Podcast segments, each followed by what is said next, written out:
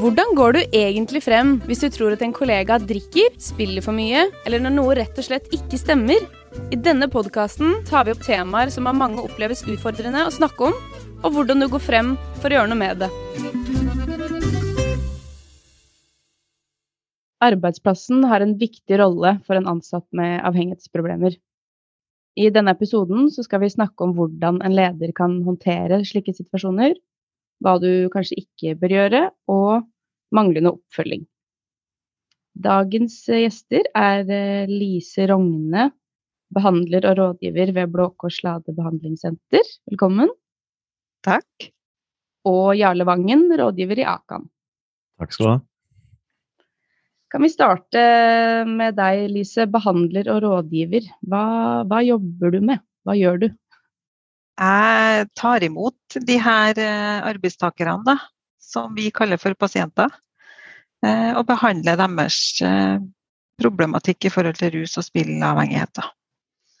Så de som kommer til meg, henviser fra fastlege til behandling da, for sine, sin problematikk. Det er det som jeg hovedsakelig gjør. Så har jeg litt telefoner fra arbeidslivet, litt foredrag om behandling og hva eh, ledere og arbeidstakere og arbeidsmiljø eh, Hvordan de opplever det å ha en som ruser seg, eller at de eh, sliter med denne problematikken og ikke helt finner ut av hvordan de skal løse det.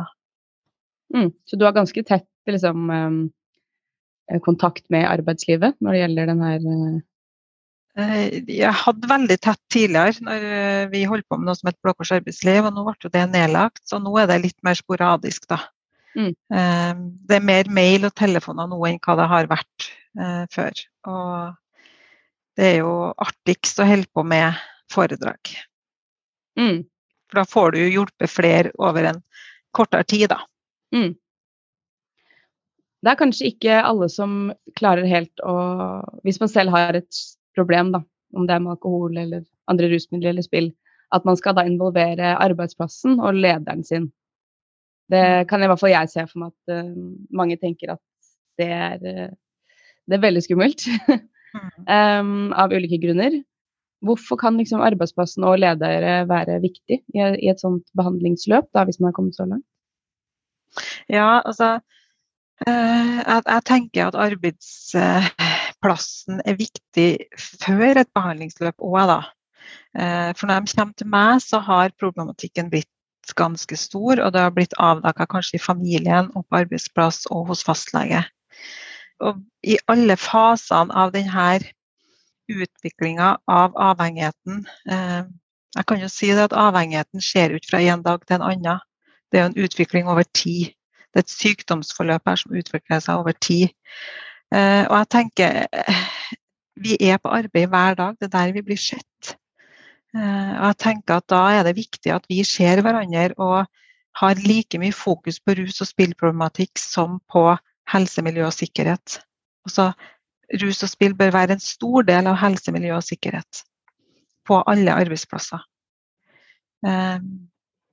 Så jeg tenker at det er her vi bruker dagene våre, eller om vi jobber turnus kveldene og nettene. Eh, det er her vi blir sett. Det er her kollegaer og ledere kan følge opp endringer med oss.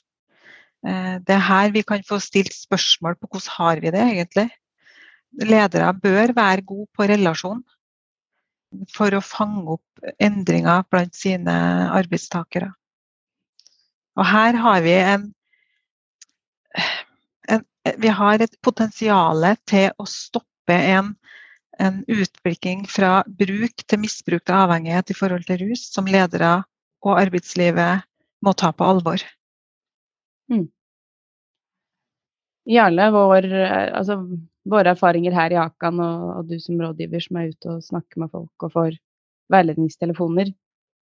Hvordan er reaksjonen til, til folk når det gjelder det her med å liksom involvere jobben den er jo litt forskjellig, selvfølgelig. Det har litt med hvilken kulturer som er på plass på en arbeidsplass. Jeg vil si at det er litt la oss kalle det det litt mer organiserte arbeidsliv, da, som er vant til litt strukturer. ikke sant? De er vant til å ha en vernetjeneste, de er vant til å ha et tillitsapparat, de er vant til å ha ledere som tør å snakke med folk. Da er det mye enklere. Men vi, vi møter jo også kulturer som er ganske lukka, som liksom ikke er der. De er mer opptatt av det de skal produsere og det de skal gjøre. Og, og da må vi prøve da å komme med noe tankegods som endrer denne, denne kulturen. For alt det Lise sier, er jo akkurat det vi prøver å bevisstgjøre rundt det. Dette her. Eh, og det er noen ganger det er litt mer spennende i min jobb, er at vi får en telefonhenvisning fra en arbeidsplass som ikke veit sin armer råd, for de har aldri tenkt igjennom dette her. Og da forske litt på det der handlingsrommet, det mulighetsrommet som ligger i, i den arbeidstilknytninga. Og jeg bruker jo da akkurat de samme argumentene som, som Lise ikke sant, rundt der. Jeg er veldig opptatt av at vi kan ikke late som vi ikke lever i et fellesskap, at vi ikke ser det vi ser, at vi ikke opplever det vi opplever. ikke sant? Vi har lange tradisjoner på å se vekk. Eh, og akkurat dette her så har det utvikla seg egentlig litt spennende og litt, litt rart, men det har utvikla seg noen myter. altså utvikla seg en del sånne tanker om at dette er så mye vanskeligere å snakke om enn det meste annet. Eh, og folk tør jo å snakke om det meste for tida. Altså, det er av og til jeg får samtaler når jeg er på bedriftsbesøk og tenker at det, dette er informasjon ikke jeg trenger. Jeg trenger ikke å vite hvordan man har ekteskap med sånne. Altså, jeg skjønner ikke det. Men det er liksom, når det gjelder hus, da er det et eller annet sånt sperre. Og det er så gøy å stikke litt høl på den, der, den ballongen. Altså, og sette ord på dette her. Rundt det. Mm. Så, så jeg er jo litt nerd på dette. altså det med at Arbeidsplassen har liksom akkurat det Lise sier. Det er noe sånn kjempeubrukt potensial rundt dette fellesskapet, arbeidsfellesskapet. Mm. Hvorfor tror dere at det er sånn, da? Vanskelig spørsmål, kanskje? Ja, det er vanskelig. Alt fra at det er ikke, det er ikke gjennomtenkt. Har ikke, han har ikke sett det i det perspektivet. Samtidig som det kan det være alt fra latskap. Man ønsker heller ikke. Altså, dette blir for nære, på sett og vis. Dette blir for vanskelig. Eh, og den evige samtalen om hvordan jeg lever, hvordan jeg drikker, hvordan jeg forholder meg til spill. Det er mitt privatliv. Altså det, det argumentet er liksom helt sånn eh, lammende argument, eh, virker det som. Når folk sier det. Ok, da kan vi ikke komme nærmere. Og så kommer jeg slemme Jarle fra Akan og sier at men så lenge du lever i et fellesskap, eh, og det du forholder deg til går ut over andre, så er, handler det ikke om bare deg, det handler om oss alle. Og da faller det argumentet litt ned. Da. Og jeg merker jo det skaper jo en litt sånn morsom kall det morsom, litt spennende dynamikk, da. Vi kan ikke late som ja, rundt det. Mm. Altså, altså, enig i det du sier, Jarle, i forhold til at eh, rusproblematikk eller rusbruk er ikke en privatsak når det påvirker hverdagen din, så at du ikke kan gjøre jobben din. Og vi, vi, vi må bare erkjenne at forskninga viser tydelig gjentatte ganger at det norske arbeidslivet sliter med rusproblematikk. Punktum. Og hva velger vi å gjøre med det? Det er der vi må fortsette nå. Vi kan ikke fortsette å tenke at dette her ikke handler om eh, noe vi kan gjøre med det. Mm. Jeg kjenner jeg blir litt streng. Det er, mulig, å, ja, det er mulig å gjøre noe med det. Ja, jeg mener det. Og det er mulig at, at min behandlerbakgrunn og min eh, kompetanse og mengdetrening på å snakke med mennesker som sliter med denne problematikken, gjør til at jeg bagatelliserer litt hva arbeidslivet står i. Eh, og jeg beklager hvis det høres sånn ut, for det er ikke det som er hensikten min. Men jeg vet at det er um, Kunnskapen er der, vi må bare få den ut i arbeidslivet og ut til ledere og ut til organisasjoner, så de blir trygge på hvordan de kan håndtere dette. Vi fikk jo nettopp den eh, samfunnskostnader ved alkoholbruk, den artikkelen eller, mm. ja, som nettopp har kommet. Og hva sier den, da? Den sier jo at, at, at arbeidslivet, privatpersoner, familier, pårørende taper på den bruken av alkohol som er. Altså, våkne opp, da, tenker jeg. Mm. Ja. Det er jo, dette er jo sånn Man har prøvd å finne ut stadig vekk uh, nye varianter på dette her. Og det derre kostnadsbildet også. For, for, å si det rett ut, arbeidslivet er litt opptatt av penger, og det er ikke så rart, det. Men når vi kan legge fram et kostnadsbilde som er Må ikke si det er nesten helt hinsides, Lise.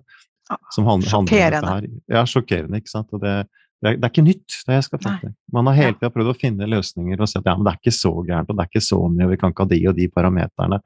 Men nå snakker vi liksom vi er tilbake litt for 15-20 år siden, og jeg snakker om 11-14 milliarder kroner sant, i produktivitetstap eller tap for arbeidslivet i året.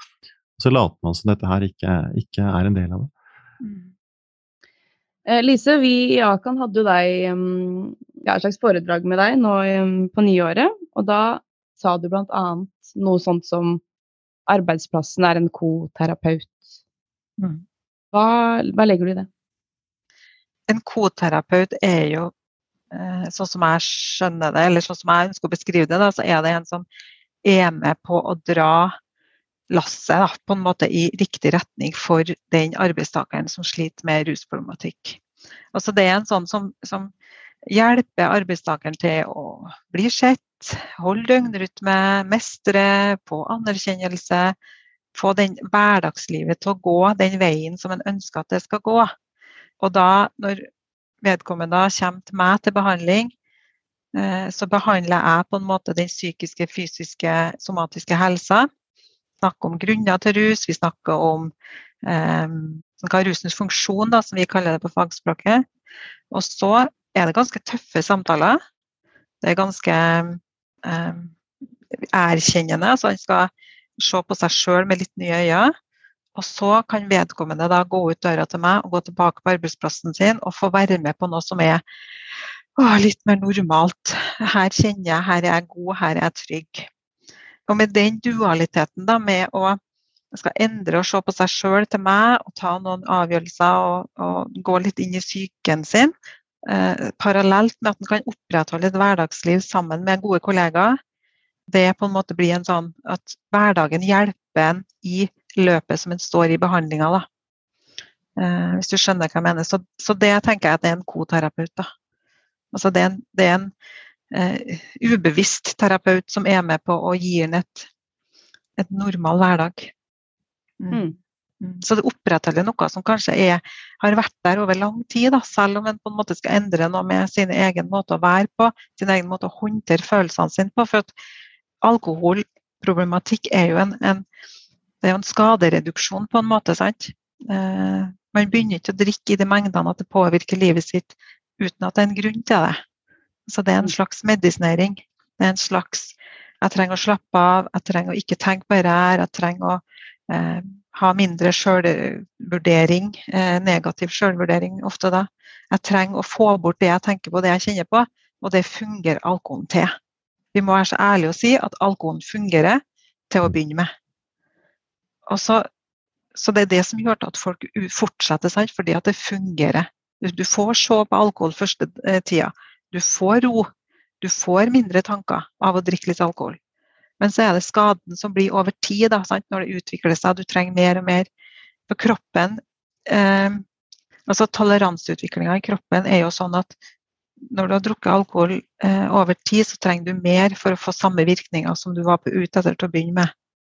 Mm. Så en kan si at Grunnene til at en starter å bruke litt alkohol til å medisinere seg, det vil på en måte gå over til at det blir nye grunner til at en fortsetter med det. sant? Eh, og så er det noe biologisk og fysiologisk som skjer i kroppen når du drikker med alkohol, som, som gjør at, at dette blir vanskelig å opprettholde over tid, da, uten at det vises. Men, men arbeidsplassen er på en måte en sånn rød tråd da, i livet til arbeidstakerne. Eh, der du opprettholder en form for eh, normalitet og mestring og anerkjennelse. For det er mye skam i det å, å slite med alkoholproblematikk. Mm. Jeg opplever at det som Lise snakker om nå, når, når, dette her går opp for en arbeidsplass, på sett og vis, så gir det så veldig mening. Jeg opplever arbeidsplasser som heier veldig på de som tar tak i livet sitt og viser en viss uh, toleranse også. Jeg bare si at Litt den gode siden av det. Og en, en ting som, jeg, som, vi har snakket litt om her i rådgivergruppa også, som kanskje har endra seg litt uh, Nå høres det ut som jeg har jobba med dette i 100 år, men det har jeg også. Det er at uh, når folk ringer og vil ha råd om en person, for det er et eller annet som uroer, så får vi en lang historie over hvor fantastisk person dette er. Altså folk, Vi skjønner hvor de skal. Jeg kunne sagt gå rett på refrenget, jeg skjønner hvor du skal. Men vi har så behov for å fortelle at dette er den flinkeste, flotteste dama som er sånn og sånn. Dette er han som løser alle problemer. ikke sant? Vi har behov for å si det. Og så kommer det en 'men'. Nå er det noe som gjør oss kjempe, kjempeurolige. ikke sant? Eh, og da ha litt den kunnskapen som, som Lise snakker om. Altså, hva er det som kanskje skjer da, i, i, i livet til vedkommende? Altså, du trenger ikke å vite alt, men bare forstå litt beveggrunn. Så ser vi en veldig vilje til å gjøre noe. Men det er litt den kunnskapsmangelen, altså. Så det er så godt å møte miljøer som er villige til å lytte og si at ok, flott, takk skal du ha, vi, vi setter i gang. Vi setter i gang. Liksom. Kontra de der litt låste kulturene da, som, som er der. Skal ikke jeg, jeg legge skjul på det, altså. Men ja, jeg tenker litt sånn Låste kulturer skal han ha respekt for. fordi at mm. Er det låste kulturer, så er det vanskelig for en arbeidstaker å være åpen eh, mm. for at en sliter. Mm. Eh, men likevel så kan da kanskje en leder hjelpe en i gang da, med behandling, og så kan det være altså det er arbeidstakeren sitt eh, behandling. Det er han som skal bestemme, eller hun, mm. som skal bestemme om leder skal involveres eller ikke. Og det mm. må vi ha respekt for, om det skal involveres eller ikke. Men en leder kan likevel vite noe av overskriftene, så han vet hvorfor den vedkommende ikke kommer på jobb den morgenen, for da skal han i behandling.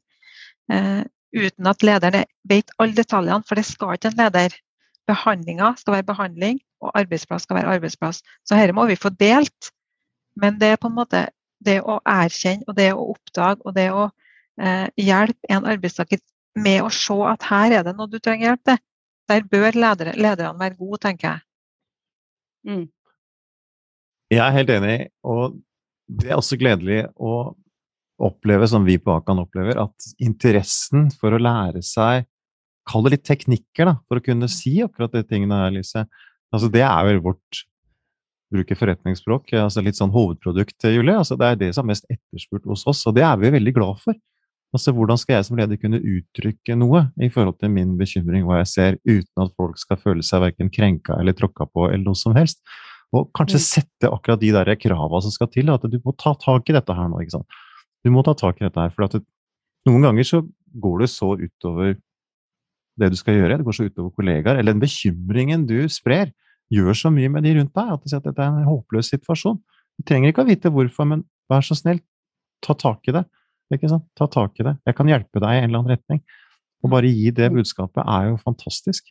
Mm. Uh, og jeg, har jo en sånn arbeidshypotese som jeg har fått gjennom en del år, hvor jeg sier til ledere at uh, hvis du setter deg ned med et menneske og sier at jeg er oppriktig bekymra for hva jeg opplever hos deg nå, så tenker jeg det er en samtale folk vil huske resten av sitt liv. Det er så sjeldent at noen du må forholde deg til på et sånt visst nivå, sier sånne ting. ikke sant? Og hvilket mm. utgangspunkt, hvis du da ikke er fordømmende eller noen ting. altså, Dette er min opplevelse. Vi kan stille opp for deg. Mm. Vi har muligheter, ikke sant. Mm. Og det er viktig. Ja, og, og, når den lederen setter seg ned og tar den samtalen at jeg er bekymra for deg, mm. da har jeg ønska at lederen har visst litt hva er det som skjer i det mennesket som sitter på andre sida av bordet. Ikke sant? Da har jeg villet at den lederen skulle ha hatt litt kunnskap om skam. Hatt litt kunnskap om hvor mye det koster å erkjenne for seg sjøl at en har et problematikk, som igjen gjør at en kanskje bagatellisere fordi at det er vanskeligere å erkjenne for andre hvis ikke har erkjent for seg sjøl ennå. Mm, mm. Og at den lederen da med den bekymringa han sår noen frø i forhold til at, at arbeidstakeren har skjønt at her har noen sett, og her har noen forstått at her er det noen ting. Og at den lederen da innkaller til en ny samtale om en stund. Mm. Så at den ikke bare slipper det. Ja, det her med oppfølging. Mm. Det er helt riktig. Altså det, og for, ikke for å gjøre dette veldig sånn instrumentelt, eller hva jeg skal si, men vi Jeg velger noen ganger, ganger å kalle det en teknikk, ja. for at det de skjønner. altså En sånn teknikk, en sånn samtaleteknikk. Og da ligger det inn det som du sier, Lise, at du tar Snakk om din bekymring. Mm. Jeg vil snakke mer med deg i morgen. Jeg vil snakke mer med deg på fredag. Jeg vil snakke mer med deg om dette her. Og det ligger så implisitt i den, i den teknikken. For det er jo heller ikke å stikke under en stol at uh, mange av de litt bekymra ledere som av en eller annen årsak har funnet telefonnummeret til oss, og det kan være via en bransjeforening eller noe sånt, de har med seg også en ballast om at dette, dette blir så plagsomt, altså dette blir så konfliktfylt. Det er det jeg skal gjennom nå. Så spør vi deg, men hva, hva, er det, hva er det som blir konfliktfylt? Jo, fordi folk innrømmer ingenting, og da, da blir jeg helt handlingslamma. Mm. Ja vel. Vet du hva, da prøver vi en annen teknikk. Da prøver vi en annen strategi. Folk trenger ikke å innrømme noen ting i første samtale. Du skal bare si, fortelle hva du opplever, og si 'jeg snakker mer om det i mm. morgen'. Og så Det er en situasjon der vi må ta tak i, uansett om det egentlig handler om at du har fått en sykdom, eller du har problemer i privatlivet, eller om alkoholen har fått for mye plass, eller en kombinasjon, eller hva det måtte være. Det tar vi når det kommer.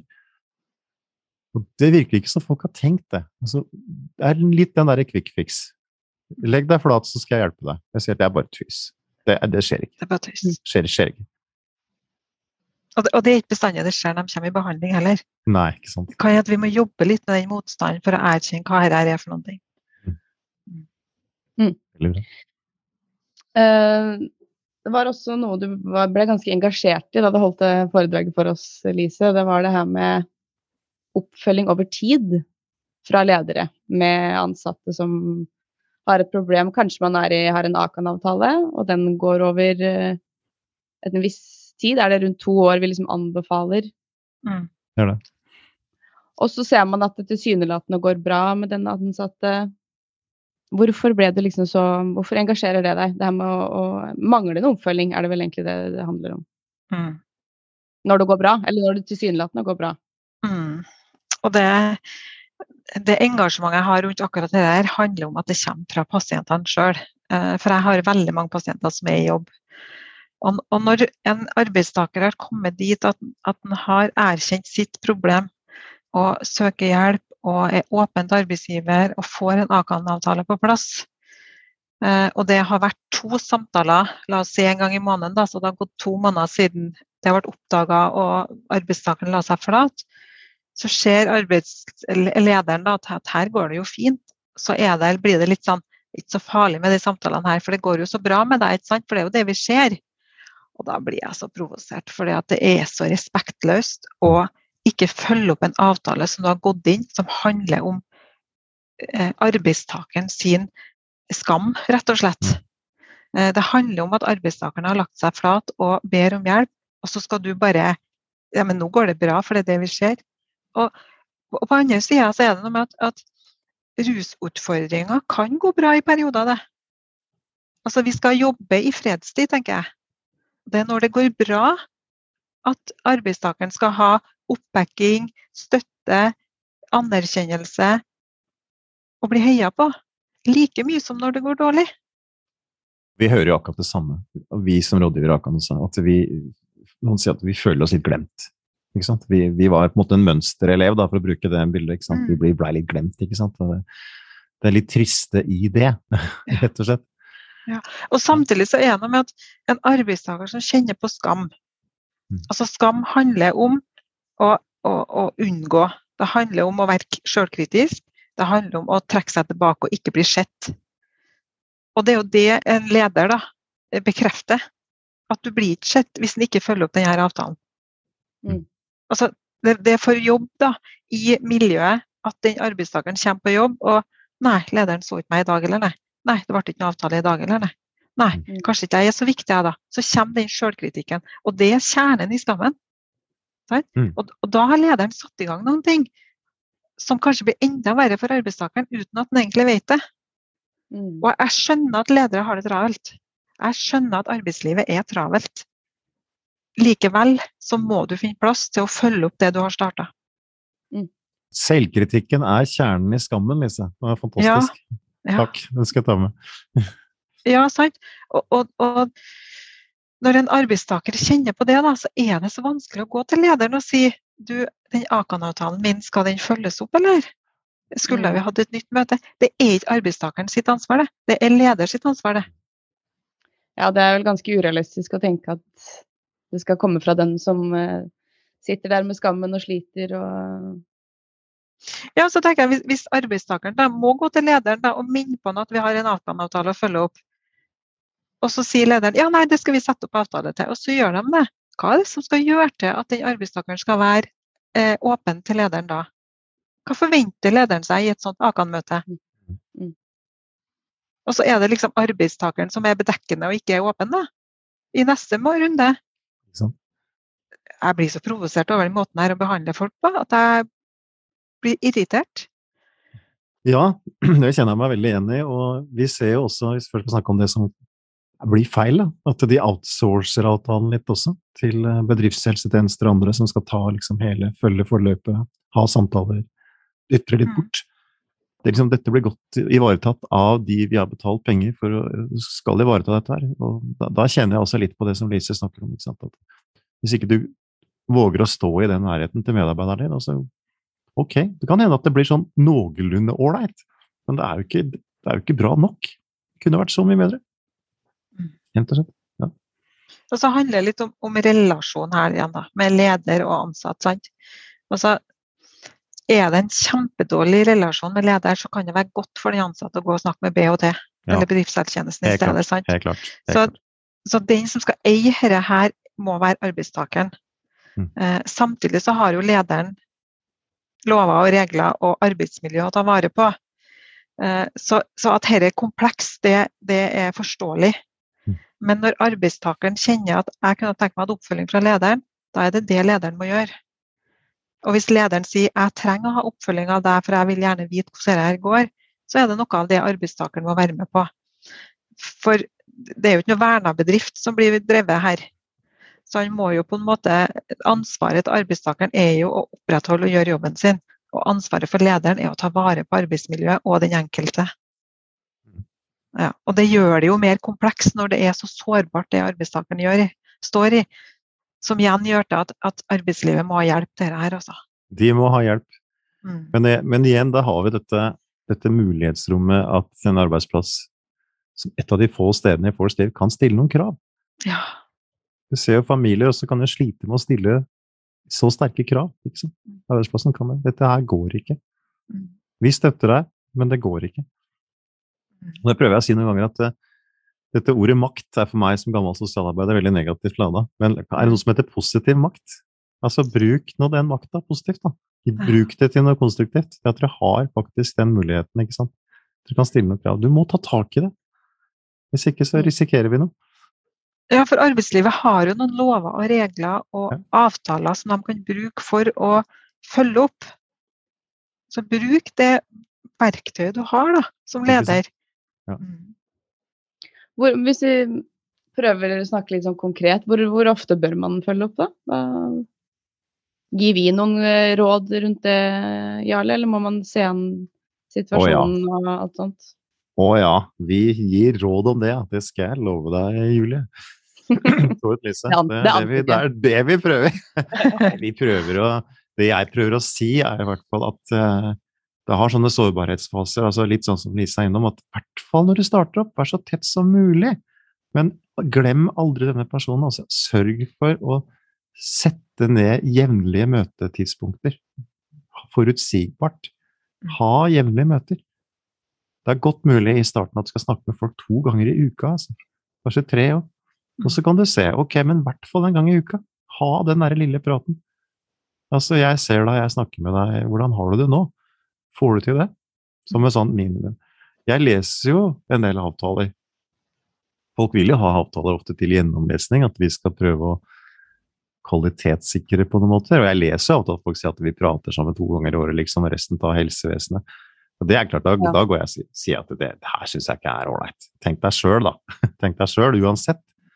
Om du har en lidelse, det trenger ikke være ruslidelse, tenk du har en helseproblem da, som plager deg. Og så sier arbeidsgiveren at vi kan prate om det to ganger i året. Det er jo noe som virkelig lever i folks liv, ikke sant? Hva det måtte være. Mm. Men, eh, men når bedrifter først er der at de søker råd, så er de heldigvis litt lydhøre, da. Jeg er liksom mer bekymra for alt det som skjer som vi ikke aner, så jeg håper jo allikevel at det er kloke, kloke folk der ute som, som gjør noen gode, gode valg. Mm. Men jeg, jeg prøver noen ganger å sette ting litt på spissen nå. for Jeg møter ledergrupper som er skeptiske, som egentlig ikke har lyst. Eh, og jeg tillater meg å si det, eller spørre da et åpent spørsmål også. Hvorfor vil du ha denne jobben da, hvis du syns det å følge opp folk er så plagsomt? Kan du ikke gjøre noe annet, da? Det er sånn banne litt i kjerka, men bare for å få litt reaksjon. ikke sant? Altså, Du har gått gjennom intervjuer, og noen har tenkt at du, dette får du til, og så har du egentlig ikke lyst. Man skal heller snu på og tenke at det er utrolig mye vekst som leder å jobbe med folk på den måten. Tenk kunnskapen og hvor god- god du blir som leder ikke sant? I, i dette her. Og hvilken trygghet du sender, sender til det kollegiet, da, folk rundt deg. Jeg har ennå ikke hørt et godt argument for å ikke hjelpe eller ta tak i folks liv eller jobbe med folk. Jeg har ennå ikke hørt et godt argument. Kom gjerne med det. Mm. Ja, og så tenker jeg litt sånn eh, i min utopiske verden da, så håper jeg jo at ledere følger opp før det har blitt et problem. Da. Mm. Jeg har en sjef som når hun kommer på jobb, og vi, noen av oss har kommet allerede, så kommer hun innom hvert kontor og sier hei. Mm. Eh, og når hun går før oss andre, så kommer hun innom kontoret og sier hei. Eller ha det. Og i løpet av uka så kan hun komme innom de forskjellige kontorene, lukke døra, sette seg ned og ta en kort prat. Det er ikke sikkert det er noe alvorlig vi skal prate om, men bare sjekke ut litt hvordan har vi det. Mm. Og en leder da, som vet at det er en medarbeider som sliter, behøver ikke å kalle inn på sitt eget kontor eller i et møterom for å få tatt den praten. For en, en arbeidstaker som sliter med denne problematikken, og som har skammen ganske høyt opp, vil kjenne det ubehagelig å bli kalt inn til et møte. Mm, litt sånn skummelt, nesten. Ja. Mm. Ja, ikke sant? Så vær nå en leder der du på en måte kobler deg litt på gjennom dagen òg, da. Altså, det behøver ikke å være så formelt. Tenker Handler om jeg. å kjenne, eh, begynne, å- eller bli litt sånn kjent med de, sine ansatte, da. Nei, jeg, jeg er så enig, og det sier litt om den hjelpeløsheten noen ganger vi møter. Folk kan stille spørsmål men hvor skal jeg prate med folk, da? Altså, folk blir helt sånn, De, de problematiserer så veldig ikke sant, rundt det der. Så ikke så lenge siden eh, en bedrift som hadde lå ved siden av fjorden. Så jeg sa men se ut av vinduet, da! Her går det jo stier langs fjorden. Gå en tur, da. Du kan si til folk at du skal snakke om regnskapet, så spiller ingen rolle. Bare Mm. lag en arena da, som bare er trygg og god. Du trenger ikke å se hverandre i øynene, men bare ha den der gode spasersamtalen. ikke sant? Mm. Og så da, tenk litt utafor boksen. Og det er gøy å si, for folk blir sånn Å, går det om det, da? Ja. Nå er ikke jeg noen leder, men jeg også tenker bare sånne ja, problematiserer alt, liksom. Hvor, når, hva. ja, de gjør det. Det blir litt sånn eh, teknisk eh, rundt dette her. Lag en eller annen historie, da. Vi skal hente noe. Fantastisk. Mhm. Det er eh, ja, i dine øyne sikkert kjempe sånn enkelt, banalt uh, tips, Ja. men det er jo Men som du sier, så er det det folk lurer på, da. De lurer Ja, på det. Men hvis, folk, hvis en leder tenker sånn hele tida, vet du, ikke bare når en ansatt sliter, men, men gjør det til en vane med alle av dine ansatte. Altså, bruk mulighetene til alle sammen, ikke bare til den ene som sliter. Ikke begynn å tenke sånn når problemet er der. Vi må jobbe med dette i fredstid. Mm. Mm. Jeg har nevnt så vidt eh, Akan-avtale litt tidligere i samtalen her. For hvis det er noen som hører på som aldri har hørt om det, kan du bare forklare litt sånn veldig kort hva det er, Jarle? Ja, det skal jeg gjøre. Det jeg forklarer dette veldig kort, det, det er egentlig en utfordring, men ålreit. Um, jeg, vil, jeg vil si at vi har egentlig en litt sånn fascinerende historisk tradisjon i Norge. At vi sier at folk som har fått et problem, skal få en sjanse til å gjøre noe med det. At det ligger en grunntanke der som befesta seg for snart 60 år siden. Som vi fremdeles nyter litt, eh, litt godt av. Og så har man vel skjønt at disse utfordringene de er såpass eh, Jeg vil ikke si vanskelige, da, men såpass komplekse, som Lise sier, at det kanskje det er ålreit å få det litt i system. At vi kan, vi kan samarbeide og få det litt i system. At vi kan ha litt hånda på rattet alle sammen. ikke sant, I forhold til å tilfredsstille kravene til det å stå i jobb og de forventningene vi har til hverandre. og At den det gjelder, skal føle seg sett og oppfylt samtidig. ikke sant, Igjen dette med kravet. Så det var jo noen kloke mennesker da, som sa at ja, men kan vi ikke skrive en type kontrakt med folk? Jeg liker å kalle det det. Altså, Vi skriver en kontrakt som sier at vi kan yte mye for deg, men du må yte noe tilbake. Og det må være en vilje da, til å gjøre noe med det. Da kan vi yte mye tilbake. Og Det er jo utgangspunktet for denne, denne Akan-avtalen, som det er blitt hetende. Ganske fascinerende at det heter Akan-avtale, egentlig. Som egentlig handler om noe vi målbærer, men det er denne Akan-avtalen. Altså, du skriver rett og slett en avtale med folk. Og så tenker vi at tid er et gode. Tid er bra. Og det har man også skjønt. Så vi sier at en standard Akan-avtale, sånn som det er anbefalt av våre eiere, da, som er eh, partene i arbeidslivet, ikke sant, som backer opp dette, sier at ok, to år, vi, vi, vi skriver en avtale på to år. Vi trenger den tiden. Det kan hende vi trenger mer tid også, men det er sjelden vi trenger kortere tid. Og Det er liksom det der med å følge opp folk. To år så skriver en avtale. Og i den avtalen så lager vi akkurat det vi har snakket om nå. Jevnlige møter, jevnlig oppfølging. Stille krav om at de kanskje skal ta en henvisning, så de kanskje ender opp hos uh, bladet, hva vet jeg. At, vi, at folk er i en prosess, at vi kan styre litt den der prosessen, ikke sant. Og så har vi en igjen, det er en ideologi her, at vi skal prøve å hindre utstøting, altså. Rett og slett arbeidslivet. Vi skal heller få folk tilbake. Og det med Lise snakker om fredstid. ikke sant? Altså, dess tidligere vi kommer i gang med prosesser, dess større suksessrate er det for dette her også. Folk har en vanskelig periode i livet. Vi følger opp, vi gjør det litt skikkelig, skriver kontrakt, og så går det veldig fint. Og det, altså, lyst til... det, er å, ja, det er for å skape litt rammer da, rundt en slags sånn oppfølging og, og bistand fra arbeidsplassen. Absolutt. Ja, det er for å skape litt rammer. Mm, det er riktig, Julie. Vil jeg prate litt rundt det. Det er for å skape rammer.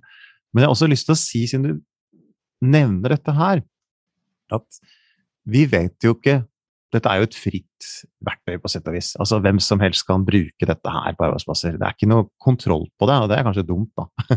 Men sånn må det jo være. Men av det vi veit, og det er litt viktig, for vi, vi, prøver å finne ut noe. ikke sant? Vi, vi på Akan kompetansesenter vi har jo et visst nettverk av bedrifter, og vi sender ut noen sånne Questbacks. ikke sant? Altså, hvor mange bruker avtaler, og hva slags avtaler er det? og Litt sånn kjedelige, tørre data som til sammen blir spennende data. Eh, og det vi, det vi, ser, som jeg syns er veldig gledelig, det er, jo, det er jo at vi ser at folk kommer tidligere og tidligere i gang med avtalene sine. At, at, det er mange gode samtaler her, og man sier at en kan ikke ta tak i dette her nå før det tar tak i deg, liksom. Altså før, før, det overtar livet ditt. Kan vi ikke begynne prosesser nå før dette her går helt gærent. For en, tidligere så var nok en avtale et kom på plass som en konsekvens at du har brutt ikke sant? Du har brutt arbeidsreglementet, du har liksom gjort noe gærent. da, Sånn juridisk. altså Hvert kom på jobb bakfull og lagd problemer og bla, bla, bla. ikke sant? Så liksom alternativet vært enten så får du sparken, eller så kjører vi en knallhard A-kanaltale. Og dette er ikke noe særlig sånn gunstig. Men til og med det har jo redda arbeidsforholdet til folk. vi må innrømme det også. altså sånn, Virkelig sånn hardt mot hardt eh, rundt det. Liksom, at den pendelen har, har flytta seg litt. og Vi kommer inn tidlig.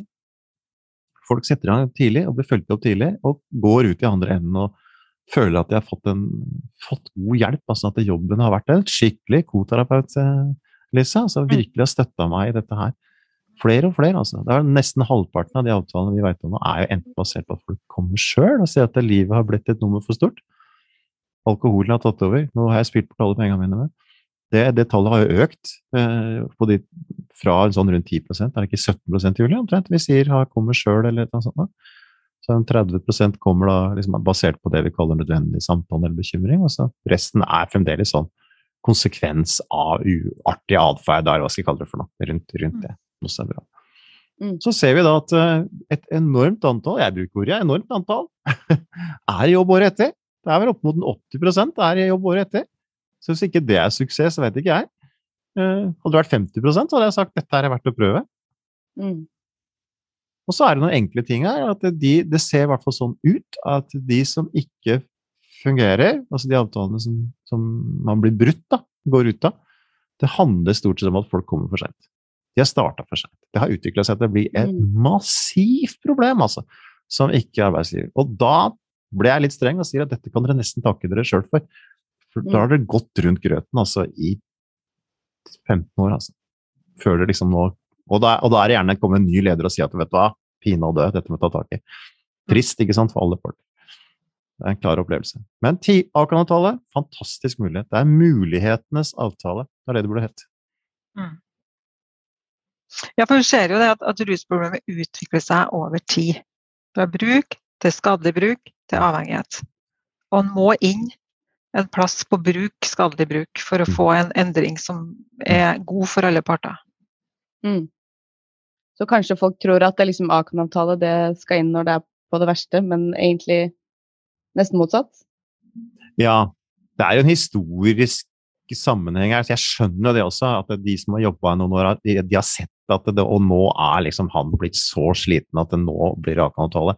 Det har jo ikke vært i vår fordel, da, at det, det, bildet har uh, satt seg. At du må være mm. helt på knærne liksom, før, før, man gjør det. Men vi jobber jo hver dag for å gjøre noe med det.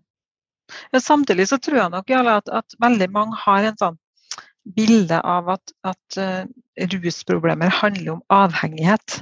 Mm.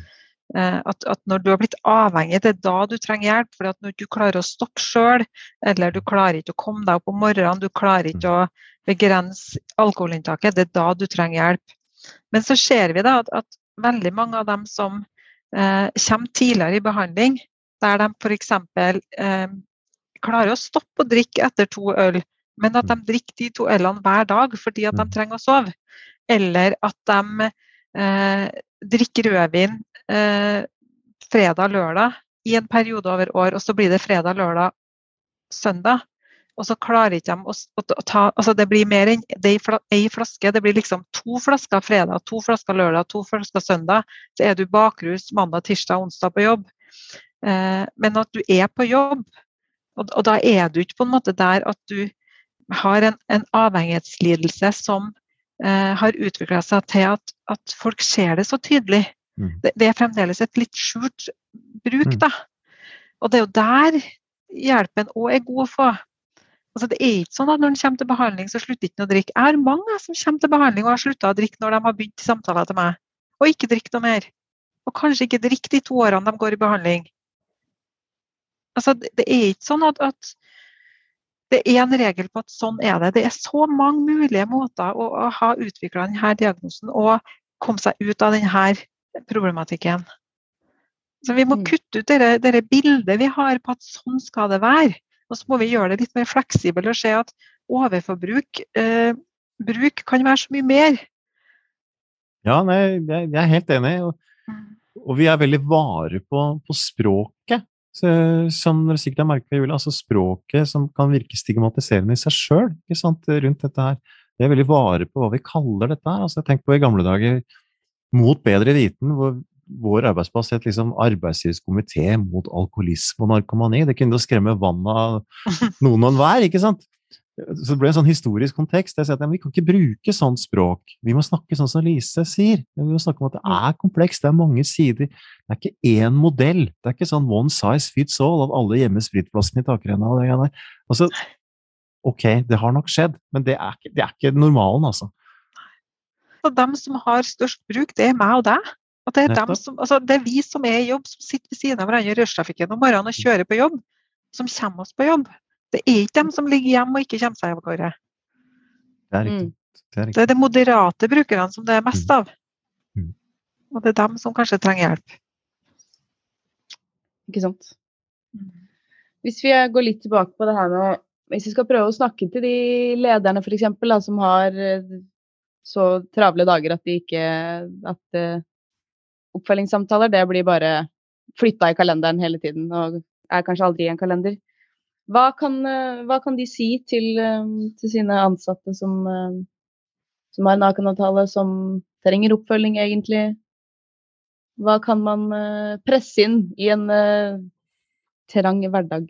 Ja, nei Du er jo, du er jo litt spot on en del av de, de tingene folk spør om, men kan jeg tillate meg å si at man har jo sjøl satt seg i en ganske dårlig posisjon da, som leder, hvis man ikke klarer å følge opp folk i det hele tatt, rett og slett. Eh, hvor gunstig er det, da? Mm. Hvis du har sagt A, og så kan du ikke si B, hva er, dette for noe tøys? Altså, Vi veit arbeidslivet er kompleks, vi veit det er produktivitetskrav og leveringskrav og tidsfrister. Vi, vi vet alle disse tingene, men allikevel så må du, hvis du er, går i det løpet her, presse fram noen åpninger, altså. Eller så kan du like gjerne la være. Da kan du like gjerne prøve å få til noe annet. Da kan du like gjerne si at vi får ikke til dette her, men kan, jeg kan godt kjøre deg altså Jeg kan godt hjelpe deg til fastlegen så du kommer deg på lade. Altså, gjør noe annet isteden. Noe minste. Hvis ikke du får til det beste, så gjør det nest beste, da. Ikke lag mm. et skinn av at dette, dette gjør vi. Sjekk, nå har vi gjort det, liksom. Mm. For det klart det fins avtaler ute som er kjempedårlig fulgt opp. Det har vi møtt begge, Lise. Altså sånn, det er helt latterlig. Mm. Og jeg, jeg, har gitt det rådet at det kutt ut, altså. Makuler hele greia. Dette er bare tøys, altså. Hvis ikke mm. dere gjør noe. Vi må kunne tillate oss det. Ja, og så tenker jeg hvis, hvis du er en leder da, som ønsker veldig å følge opp, og som på en måte har plutselig syke barn, da, og så får du du til den avtalen, så, så ta nå kontakt med vedkommende og si hva det handler om. Ikke lat som ingenting. Mm si ifra at vet du, nå fikk jeg herre opp på det. Eh, jeg syns det er viktig å følge opp den Akan-avtalen med deg. Jeg vil gjerne ha en samtale, kan vi sette opp et nytt tidspunkt? Så vedkommende arbeidstaker ikke vet, altså får en forståelse av at det handler ikke om seg. Vær noe åpen da, på hva som skjer. Mm, det kan ja. være så enkelt som eh, Ja, ikke sant. Bare forklar rett og slett hva ståa er. Ja, altså ta det du har satt i gang på alvor. Og hvis du sier at vi må flytte tidspunkt, så det er å ta det på alvor, tenker jeg. Ja, det er jeg helt Mm. enig. i. Ta det på alvor. Akkurat, Lise. Ta det på alvor. Mm. Hvis man skal um, Hvis dere skulle gitt to råd, da, begge to, til hva en leder ikke bør gjøre i situasjoner hvor man har en eh, ansatt med et, eh, et slags avhengighetsproblem, eller starten på det. Får vi bare to? Nei da. Dere kan få tre. jeg skal klare to. Eh, altså, det første jeg vil si til ledere, det er å ikke vente og se. Ikke se an situasjonen. Ikke, ikke, ikke, ikke vær bekymra, og så skal du vente til den bekymringa blir bekrefta. Gå inn og ta en prat når du er bekymra. Ikke vent noe lenger. Og så vil jeg si til ledere at ikke drikk deg berusa sammen med kollegaer. Det er ganske hardt å si det, og det er kanskje som å banne i kirka, men ikke gjør det. Du er en leder selv om du går inn døra på en restaurant eller eh, klokka er over fire. Du er en forbilde, du er et rollemodell. Vær det. Og det, det er frivillig å være leder. Så hvis du trenger å drikke sammen med dine kollegaer, så syns jeg ikke du skal være leder. Og så ønsker jeg at, at ledere i samtaler skal bytte ut eh, hvorfor-spørsmål med undring. For hvorfor-spørsmålene, da snakker du til hodet. Hvis du undrer deg og spør hva kan dette handle om, hvordan er dette for deg, så snakker du mer til kroppen. Og da får du kanskje litt eh, andre svar. Um, og er en ansatt sliten, eh, har angst, er deprimert, er mye syk, så syns jeg du skal tenke eh, alkoholbruk i det. Fordi at stort alkoholforbruk gjør noe med eh, immunforsvaret, som gjør at vi er mer mottakelige for sykdom. Og det vet vi. Og hvis jeg skal tillate meg ett råd til, Kjør på. så er det at den ruspolicyen må ikke ligge i skuffa. Den må være kjent.